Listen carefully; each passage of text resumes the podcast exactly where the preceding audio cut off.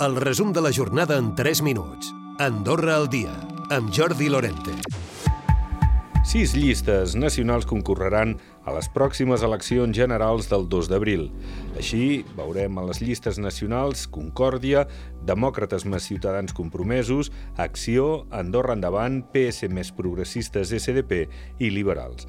Pel que fa a les llistes de la circumscripció territorial, n'hi haurà 20 en total, repartides d'aquesta manera. Les que més llistes tindran seran Andorra la Vella i Sant Julià, tindran quatre opcions per als seus electors. Després vindran Ordino, la Massana i Escaldes, que en tindran tres d'opcions, en Camp dues, i a Canillo només hi haurà una llista territorial. D'altra banda, els casos de grip van augmentar la última setmana del mes de gener, ho van fer més de 50 casos. La taxa d'incidència més elevada, però, es va registrar la darrera setmana de l'any, amb més de 100 casos per cada 100.000 habitants.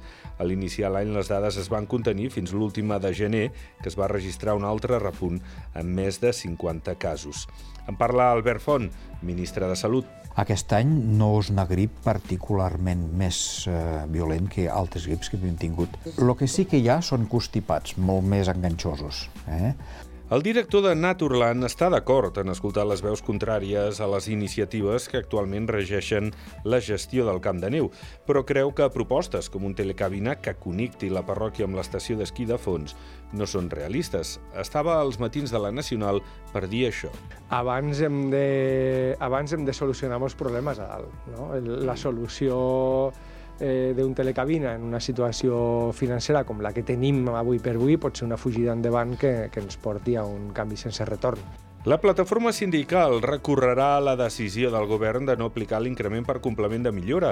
La darrera modificació de la llei de la funció pública recull l'augment generalitzat del 3% de les grelles salarials, però obvia aquest complement. Els sindicats exigeixen que s'apliqui la prima als funcionaris de l'Administració General i de Justícia.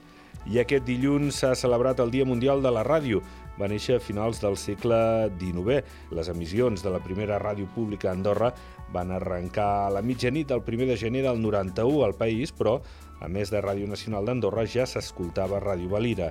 Josep Maria Samper, excap tècnic de Ràdio Nacional, Jaume Remisa, excap d'informatius de la Ràdio Pública i Mercè Canyabate, de Ràdio Valira, n'han parlat. Aquell equip una part professional i una altra part que no havia fet mai ràdio, però que tots hi tenien una voluntat molt, molt gran per, per, perquè allò funcionés i, es, i, i arribés a bon camí.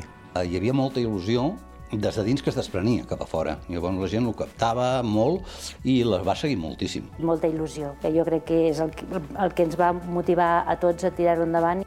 Un home de 59 anys ha estat detingut per la implicació en delictes contra els drets dels treballadors per condicions abusives i degradants. El cas s'investigava des de final de novembre.